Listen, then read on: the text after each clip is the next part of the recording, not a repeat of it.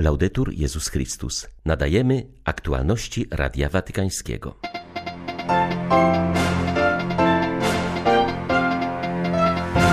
Papież dał w Iraku impuls do odrodzenia i pojednania. Teraz kolej na nas. Tamtejsi chrześcijanie potrzebują pomocy, uważa dyrektor Stowarzyszenia Braterstwo w Iraku.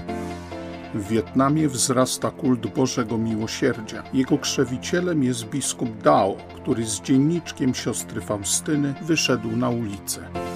W Angolii zamordowano kolumbijskiego misjonarza 9 marca witają Państwa ksiądz Krzysztof Ołdakowski i Krzysztof Brąk. Zapraszamy na serwis informacyjny.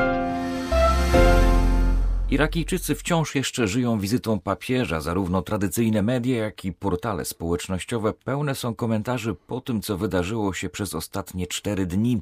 Mówi ksiądz Samir Yusuf. Irakijczycy są zgodni, że papież podniósł ich na duchu. W przeszłości Irak odwiedzali też inni liderzy polityczni i religijni.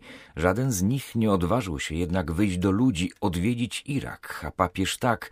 Spotkał się z nami i objechał cały kraj, opowiada iracki kapłan, posługujący dziś wśród wysiedlonych chrześcijan w górach autonomicznego regionu Kurdystan. Przyznaje on, że wizyta papieża zmobilizowała rząd, aby pokazać kraj od jak najlepszej strony. Irakijczycy są dumni, że w tych dniach świat zobaczył inne oblicze ich ojczyzny, nie tylko wojny, zamachy i zniszczenia, mówi iracki kapłan. Podkreśla on, że centralnym punktem papieskiej wizyty był Mosul, modlitwa Franciszka na ruinach tego miasta.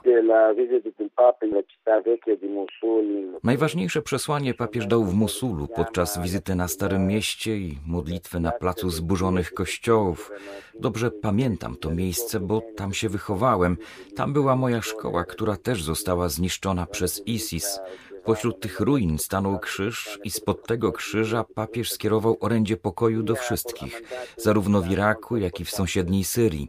Było to bardzo silne przesłanie, zwłaszcza jeśli weźmie się pod uwagę, że to właśnie tam, w pobliskim meczecie, przed sześciu laty, zostało proklamowane państwo islamskie, a jego głównym sloganem były słowa: Nasze państwo będzie trwać na zawsze.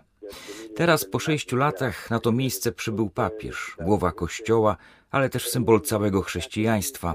I to ten papież, który w przeszłości zajmował bardzo mocne stanowisko względem ISIS, przyznawał, że z tym złem trzeba walczyć również przy użyciu siły. I teraz papież przybył w to miejsce, wzniósł tam krzyż, modlił się i zachęcał wszystkich do zgodnego współistnienia, do odbudowy miast, do rozpoczęcia na nowo. Ale bardzo ważne jest, że w Iraku papież wspomniał też o potrzebie odbudowy człowieka, bo są w nim zranienia, które pozostają na długie lata. Chrześcijanie i jazydzi ucierpieli bardzo dużo. Moja rodzina trzykrotnie musiała uciekać. Moja matka, która ma 87 lat, przeżyła trzy wysiedlenia i za każdym razem traciliśmy wszystko nasze domy i musieliśmy zaczynać od zera. Nie jest łatwo być chrześcijaninem w Iraku.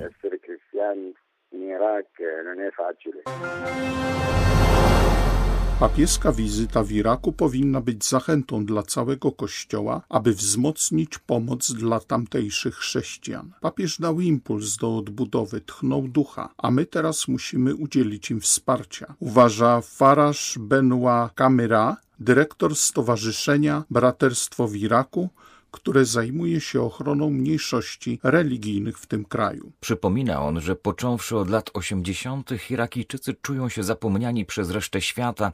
W sposób szczególny dotyczy to chrześcijan, którzy w ciągu ostatnich 20 lat stali się wspólnotą męczenników. Dlatego zasadniczym celem papieskiej wizyty było potwierdzenie, że nie są sami, że Kościół powszechny się za nich modli i papieżowi udało się ten cel osiągnąć, uważa Kamyra. Podkreśla on, że silna pozycja chrześcijan jest ważna dla całego społeczeństwa w Iraku. Jest ono mocno podzielone, ale chrześcijanie są jedyną grupą w tym kraju, która jest w stanie rozmawiać ze wszystkimi i skłonić ich do współpracy. Świadectwem tego było spotkanie w Ur, gdzie przedstawiciele różnych grup i religii religii zgromadzili się w jednym miejscu jedynie dzięki inicjatywie chrześcijan. Niestety, jak zauważa iracki działacz, pozycja chrześcijan jest słaba, nie mogą liczyć na równouprawnienie, stąd tak ważny był apel papieża, by wyznawcy Chrystusa nie byli traktowani jako obywatele drugiej kategorii. Dyrektor Stowarzyszenia Braterstwo w Iraku zauważa również, że choć pod względem militarnym tzw. Tak państwo islamskie zostało pokonane, a jego członkowie zostali rozproszeni, to jednak jego ideologia przetrwała w społeczeństwie. Dlatego bardzo ważne było spotkanie papieża z duchowym przywódcą szyitów. To właśnie dzięki apelom al-Sistaniego szyici włączyli się w walkę z państwem islamskim i doprowadzili do wyzwolenia równiny Niniwy. Podobnie jak papież, al-Sistani sprzeciwia się instrumentalizacji religii dla usprawiedliwiania przemocy wielką radością przyjęliśmy wiadomość, że Ojciec Święty ogłosił swą decyzję o przyjeździe do Budapesztu na mszę świętą kończącą 52. Międzynarodowy Kongres Eucharystyczny. Czytamy w oświadczeniu węgierskiego episkopatu. Papież ogłosił tę decyzję podczas spotkania z dziennikarzami w samolocie w drodze powrotnej z Iraku do Rzymu. Powiedział, że w następną podróż apostolską uda się właśnie na Węgry. Nie wykluczył przy tym, że odwiedzi również Bratysławę, z skoro dzielą ją od Budapesztu zaledwie dwie godziny jazdy samochodem. Międzynarodowy Kongres Eucharystyczny w Budapeszcie odbędzie się od 5 do 12 września. Pierwotnie miał się odbyć w ubiegłym roku, jednakże ze względu na pandemię papież postanowił go odłożyć o rok. Kongres Eucharystyczny ma umocnić wiarę katolików, odbudować tożsamość wspólnoty chrześcijańskiej poprzez nową ewangelizację, pogłębić zjednoczenie z Chrystusem, przyczynić się do pojednania między narodami oraz być okazją do dialogu między chrześcijanami. Jesteśmy pewni, piszą węgierscy biskupi, że obecność Ojca Świętego będzie wielką zachętą i duchowym umocnieniem dla nas wszystkich i dla uczestników Kongresu Eucharystycznego. Z największej wietnamskiej diecezji uczynił miejsce promieniujące na cały kraj Bożym miłosierdziem. Od początku swej posługi biskup Józef Din Dak Dao kierował się w swej pracy wskazówkami z dzienniczka siostry Faustyny. Jak mówi, miłosierdzie to konkret służby, która zmienia życie Wietnamczyków. Wietnamski hierarcha jest ostatnim biskupem mianowanym przez Benedykta XVI tuż przed jego rezygnacją. Z orędziem Bożego Miłosierdzia zetknął się w czasie swej pracy w Europie i postanowił przeszczepić je do Wietnamu, gdzie chrześcijanie wciąż są represjonowani przez komunistów. Zasłynął bezprecedensowym stylem duszpasterskim. Nie tylko zapraszał wiernych do kościoła, gdzie tłumaczył istotę przesłania Jezu ufam Tobie, ale przede wszystkim wychodził do ludzi. Można go było spotkać na targu wśród chorych na AIDS, ludzi sprzątających ulice i czyszczących system kanalizacyjny. W wielu miejscach jego pojawienie zdziwienie budziło wręcz szok. Ludzie na mnie w pogardzie pluli, a on mówił mi o miłości Boga, wyznaje jeden z zamiataczy dróg. Przez osiem lat posługi biskupa Dinduk Dao diecezja Lok stała się centralnym miejscem kultu Bożego Miłosierdzia w Wietnamie. Przełożyło się to nie tylko na codzienne odmawianie koronki i adorację Najświętszego Sakramentu we wszystkich kościołach diecezji, ale przede wszystkim na rozwój niezliczonych dzieł miłosierdzia skierowanych do wykluczonych i najbardziej potrzebujących. Wprowadzenie w życie rządów prawa jest niezbędne dla osiągnięcia prawdziwego, integralnego rozwoju człowieka i wymaga nie tylko wysiłków organów ścigania, ale także zaangażowania całego społeczeństwa, powiedział szef watykańskiej dyplomacji na forum Kongresu Narodów Zjednoczonych na temat zapobiegania przestępczości i promowania sprawiedliwości w sprawach karnych, który odbywa się w Kyoto w Japonii. W wideo przesłaniu do uczestników spotkania zwrócił uwagę, że rządy prawa zapobieganie przestępczości i wymierzanie sprawiedliwości w sprawach karnych muszą iść w parze. Arcybiskup Paul Gallagher zaznaczył, że zapobieganie działalności przestępczej i reagowanie na nią jest ściśle powiązane z poszanowaniem i ochroną powszechnych praw człowieka, zarówno na szczeblu krajowym, jak i międzynarodowym. Dobrze wiemy, że przestępczość czerpie swoją żywotność z nierówności gospodarczych i społecznych, jak również z korupcji, a jej ofiarami padają przede wszystkim osoby znajdujące się w trudnej sytuacji. Pandemia tylko pogorszyła tę sytuację. Z drugiej strony zapobieganie przestępczości nie może być zredukowane do aspektów karnych. Jak zauważył papież Franciszek, prawdziwej sprawiedliwości nie zaspokaja zwykłe karanie przestępców.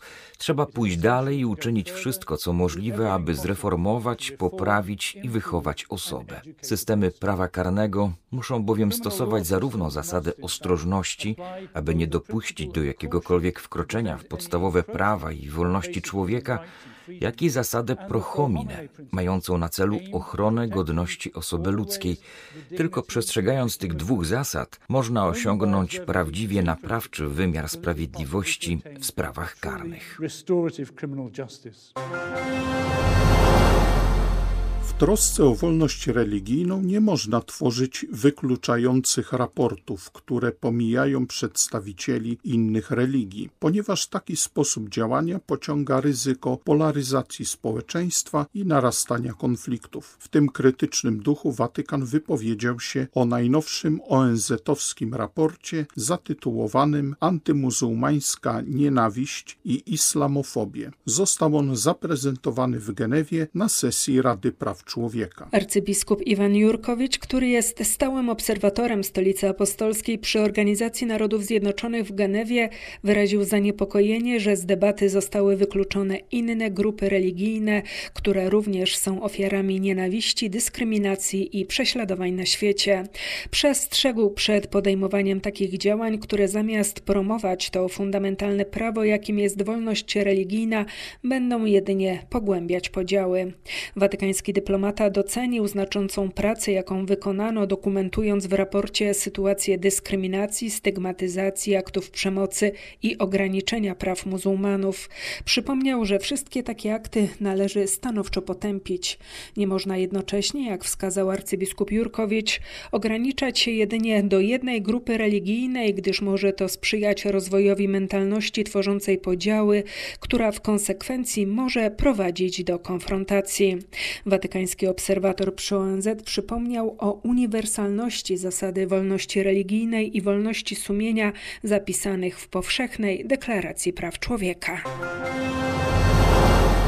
W Angolii został zamordowany 36-letni misjonarz, ojciec Manuel Ubaldo Haregi Vega.